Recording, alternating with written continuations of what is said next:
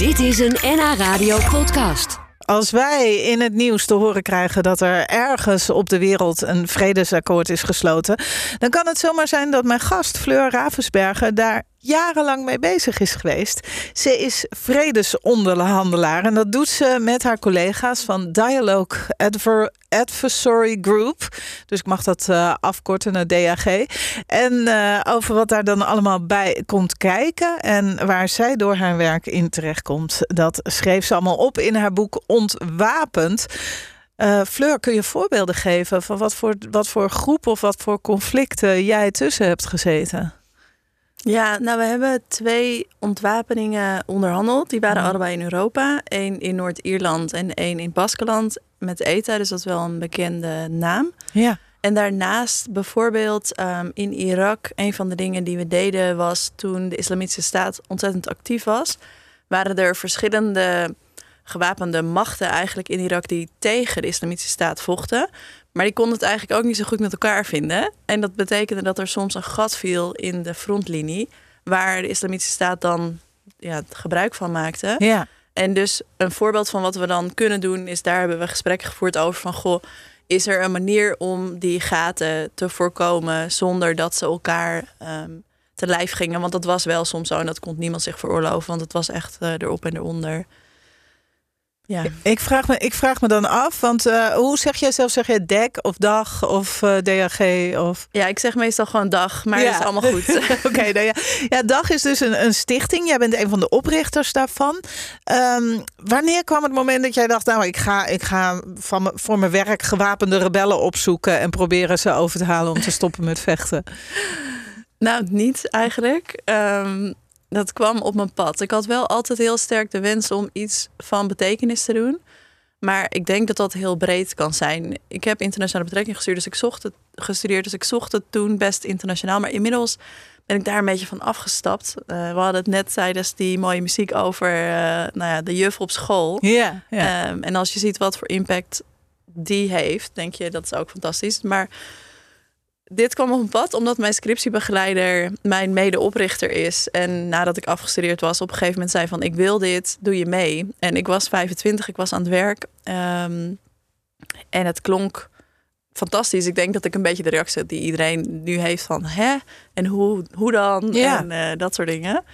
Maar ik dacht, ja, daar ga ik dan achter komen. Maar hoe is het dan? Want dan ben je 5, 26 en dan uh, komt er zo'n Nederlands meisje eigenlijk nog binnen om zich te bemoeien met internationale conflicten. Ja, nou die vraag krijg ik vaker. En ja. toen was ik inderdaad ook jong en dat versterkt dat vrouw zijn wel, was mijn ervaring. En ik ben nog steeds vaak de enige vrouw aan tafel. Ja. En aan de ene kant heeft dat natuurlijk een impact. En aan de andere kant, weet je, ben ik ook wit. En doordat we als stichting uh, die gesprekken ja, faciliteren, zijn we financieel onafhankelijk. Um, dus ik heb zeker daar wel effect van gemerkt, maar ook inhoudelijk heb ik me eigenlijk wel altijd serieus genomen gevoeld. Ook toen. Maar ik was toen wel ook heel erg ja, in die leercurve en dat avontuur van um, hoe werkt dit allemaal. Dus Ja. ik weet niet of ik altijd zo daarmee bezig was, maar uh, ja, wel een goede ervaring. Maar ik kan me gewoon niet voorstellen dat er echt gewapende conflicten zijn en dat iemand denkt, nou, we gaan die stichting even bellen, kijken of ze willen bemiddelen. Dus... Nee, ja, dat is heel tegenintuïtief. Ja, ja. Ook omdat ze vechten ergens om hulp vragen is misschien ook een beetje zwakte. Ze leven ondergronds. Um, maar vaak is het wel door een vraag uh, waardoor we op onderzoek gaan of we aan de slag kunnen gaan. Meestal niet van de partijen zelf die elkaar bevechten. Okay. Dat is ook best lastig, want dan kom je aan de ene kant wat ja, meer binnen dan aan de andere kant. En dat is niet goed voor je rol. Neutraliteit, een... ja. Ja, precies. Maar meestal is het bijvoorbeeld een expert of iemand die in een bestuur zit, die bij, ook bij de VN zit of heeft gezeten en die een kans ziet waar de VN bijvoorbeeld niet iets mee kan, omdat die bepaalde dingen niet mogen of niet willen doen, mm -hmm. dat het risico te groot is. Um, en dan, als ze van ons bestaan weten en als ze in het bestuur zitten, is dat natuurlijk zo. Dan zeggen ze van, goh, ik was hier gestationeerd, ik zag iets. Ik denk, jullie kennende, dat het zou kunnen dat je iets nuttigs kan doen. En onze eerste stap is dan om intern te bespreken van, goh, hoe zit het met onze capaciteit? We hebben een bepaalde niche. Uh, we hebben dus die twee groepen ontwapend. Maar ook we praten met uh, mensen waar anderen niet mee praten. Dus vaak de meer extremistische groepen. Of de moeilijk te bereiken groepen. En ook wel onderwerpen waar anderen het niet zo snel over hebben. Dus als dat soort elementen aanwezig zijn en een introductie is mogelijk, dat zijn dan redenen om sneller te zeggen van ja, we gaan op onderzoek uit. Maar ik denk dat het, misschien 90% van alle gevallen waar we een vraag krijgen, uiteindelijk zeggen we van nou, dit past misschien niet bij ons. En dan uh, geven we het eigenlijk door aan een andere organisatie.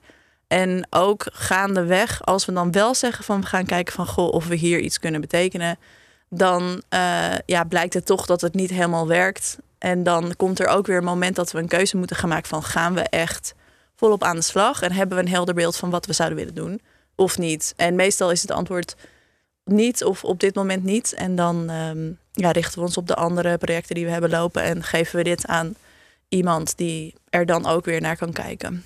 Maar is het, als jij ergens naartoe gaat hè, om te onderhandelen, is het dan gevaarlijk? Ja, um, niet altijd, maar ja, je zit in oorlogsgebied, dus er zijn zeker gevaarlijke momenten. Soms is dat een kwestie van op de verkeerde plek zijn op het verkeerde moment. Dus bijvoorbeeld als er ergens veel aanslagen worden gepleegd.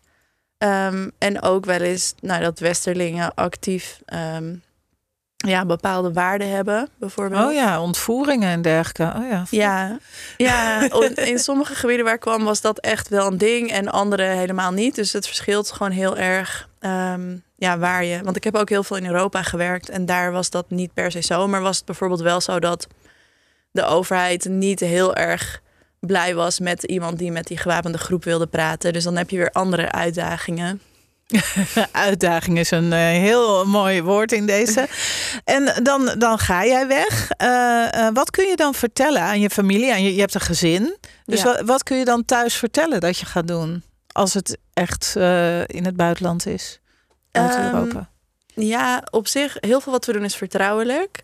En ik denk ook wel, wat ik merk nu ik het boek heb geschreven, is dat sommige mensen, niet zozeer mijn man, want die weet het wel zo ongeveer, maar wel bijvoorbeeld mijn ouders heel dichtbij staat. Ja. Ik heb een goede band met mijn ouders en ik vertel ze dingen. Maar die wisten eigenlijk niet echt precies wat het nou inhield, wat ik daar dan ging doen. Wel een soort van beeld. Um, en ik merk dat dat dan wel confronterend is. En dat dat daardoor voor mij ook een beetje confronterend ja. is. Ja, omdat het omdat ik misschien door beroepsdeformatie gewoon, ja, ik doe mijn werk, zeg maar.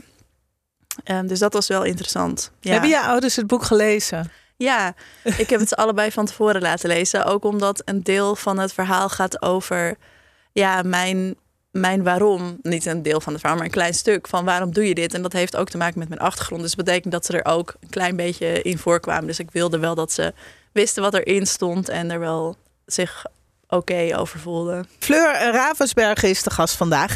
Zij woont en werkt in Amsterdam. Is verbonden aan de Vrije Universiteit ook hier. Maar ze is ook regelmatig in verre buitenlanden om te onderhandelen over ontwapening of vredesakkoorden met rebellen, milities, uh, uh, allerlei conflicten. Ze schrijft daarover in haar boek Ontwapend. En nu is ze hier om over haar werk en haar boek te vertellen natuurlijk. Wordt, wordt al gebeld, Fleur, voor een goede vraag natuurlijk. Um, wie betaalt het eigenlijk als jij ergens naartoe gaat om als vredesonderhandelaar op te treden? Ja, nou, dat is een hele goede vraag. Ja. Ik schrijf er ook over in het boek. Maar om je onafhankelijkheid te bewaken is het natuurlijk cruciaal. We krijgen ons, we leven van subsidie van verschillende ministeries van Buitenlandse Zaken. En dan hoofdzakelijk Europese landen die zelf actief zijn in de vredesbemiddeling. Dus bijvoorbeeld Noorwegen, Finland, ook de Ieren, want die hebben zelf hun eigen vredesproces meegemaakt. Dus die investeren daar dan in op een manier die wel onafhankelijk is. Want wij nemen geen opdrachten aan van subsidieverstrekkers. En daarnaast um, ja, bepalen ze ook niet wat we doen. Dus ze kunnen wel zeggen van bepaalde grenzen. Bijvoorbeeld de Noren en de Finnen hebben een grens met Rusland. Daar kunnen we ons allemaal wat bij voorstellen. Van.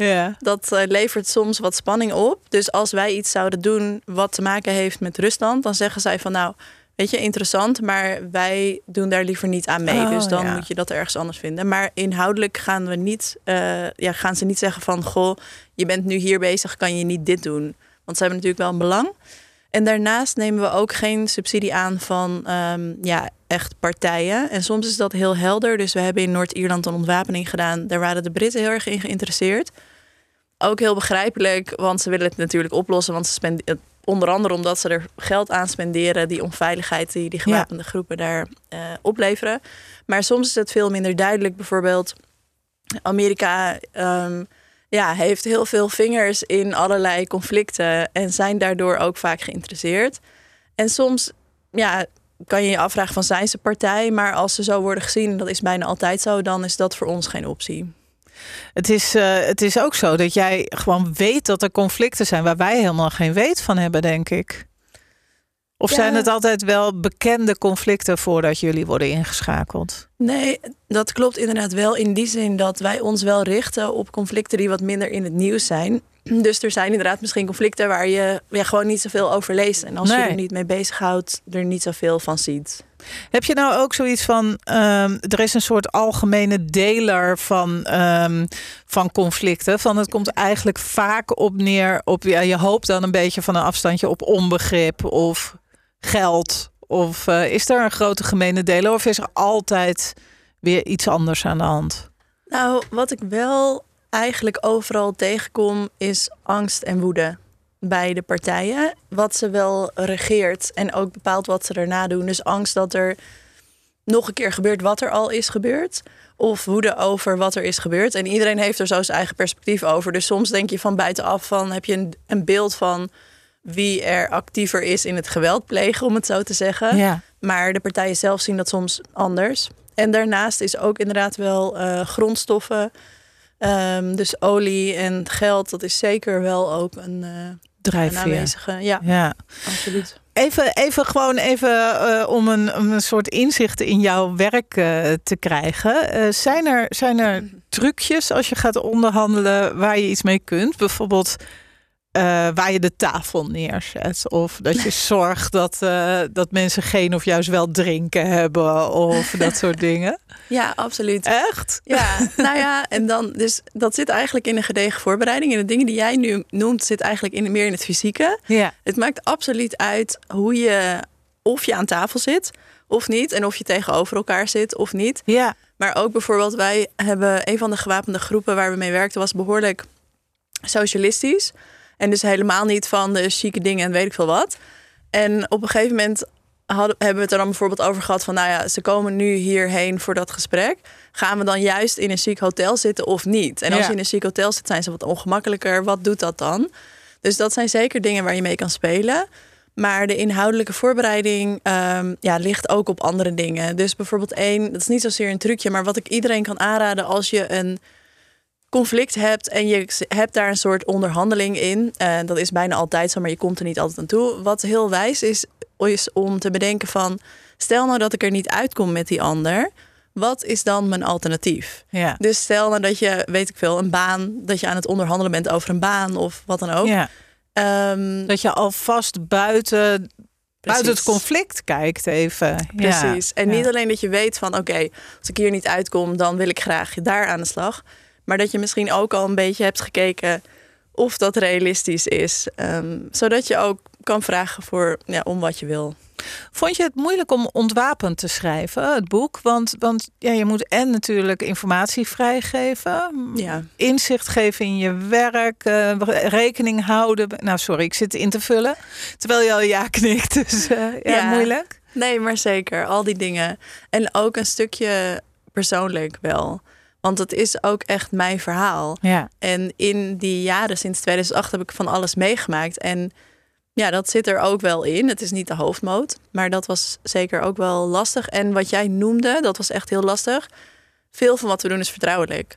Dus, ehm, maar ik wilde wel echt een, een, een record hebben van wat er was gebeurd. Dat is ook een van de motivaties. Ik heb zoveel bijzondere dingen meegemaakt. Het gaat zo snel. En dat wilde ik ook graag delen. Dus een manier vinden om dat te doen was zeker een uitdaging. Maar ik denk wel dat dat, dat, dat gelukt is. Maar soms zijn er wel stukjes dat ik dat dan lees en denk ik... hoop niet dat ik net even te veel, ehm, te duidelijk... Zoals... Ja, nou, Moeten we in het boek lezen, zeker. Ja. nou, dat niet, maar ook ik denk van als ik het er dan ook nog over ga Ja, hebben, dan En dan knippen wij er een fragmentje van. En dan, nou, oké, nou, deze vraag dan nog. Ehm, eh, is het mogelijk om ruzie met jou te krijgen? Ehm, ja, zeker. En dat zit ook een beetje in. ehm, op zich ben ik heel kalm en heb je niet heel snel ruzie met me. Maar iedereen heeft zo zijn ja, allergiehoekjes, zeg maar. Ehm, en dat is eigenlijk een andere tip ook voor als je gaat onderhandelen. Dat ik, dat ik iedereen kan aanraden om een beetje bewust van te zijn van welke dingen je nou echt niet kan leiden.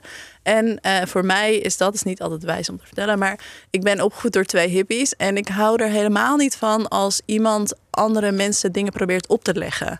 Dus ik ben heel erg van de vrijheid. Dus als dat gebeurt. Dus laatst sprak een politieagent me aan over iets waarvan ik dacht: wat is dit voor onzin? Ja, dan moet ik me wel echt even inhouden. Oh, dit, dit is niet alleen oneerlijk, het is ook mijn karakter, denk je dan. Precies. Ja, ja. En dat moet je gewoon weten, dat is Ja. belangrijk. Handige dingen, allemaal eh, ook beschreven en te vinden in het eh, boek Ontwapend van Fleur Ravensberger. Jij succes met het volgende wat je gaat doen, Fleur. Dank je wel. Dank je. Dank je voor het gesprek. Dit was een NH Radio podcast. Voor meer, ga naar nhradio.nl. Radio.